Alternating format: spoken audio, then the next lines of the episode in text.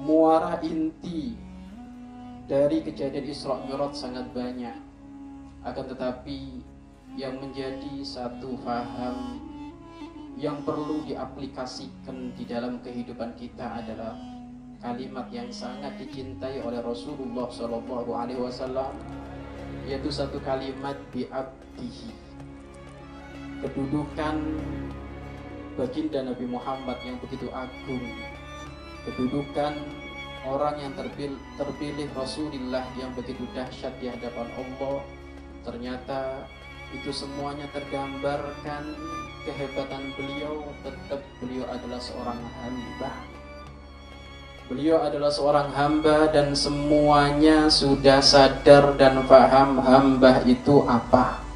Hamba itu adalah budak hamba itu adalah pelayan hamba itu adalah merasa butuh kepada yang menciptakan yaitu Allah Subhanahu wa taala maka kehebatan baginda Nabi Muhammad mulai dari perjalanan hingga Mekah ke Masjidil Haram, Mekah Masjidil Haram hingga ke Palestina, hingga langit ke naik ke langit ketujuh, hingga ke Sidratul Muntaha, hingga ke Aras, hingga bertemu dengan Allah Subhanahu wa taala, tapi tetap beliau adalah seorang hamba.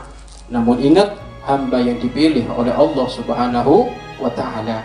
Maka di saat baginda Nabi Muhammad ini adalah seorang hamba, kehebatan apa pun yang dilampaui oleh Nabi Muhammad mulai dari alamnya manusia, alamnya malaikat, bahkan alam ketuhanan ternyata itu semuanya pun tidak melalaikan baginda Nabi Muhammad yang seorang hamba apa seorang hamba itu? Nurut patuh punya kewajiban untuk beribadah kepada Allah subhanahu wa ta'ala.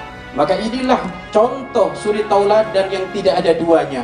Walaupun pangkat beliau tinggi sehebat apa pun tapi beliau adalah seorang hamba yang punya kewajiban untuk sholat lima waktu yang punya kewajiban untuk membaca Al-Quran yang punya kewajiban untuk berzikir kepada Allah yang punya kewajiban untuk menjauh yang haram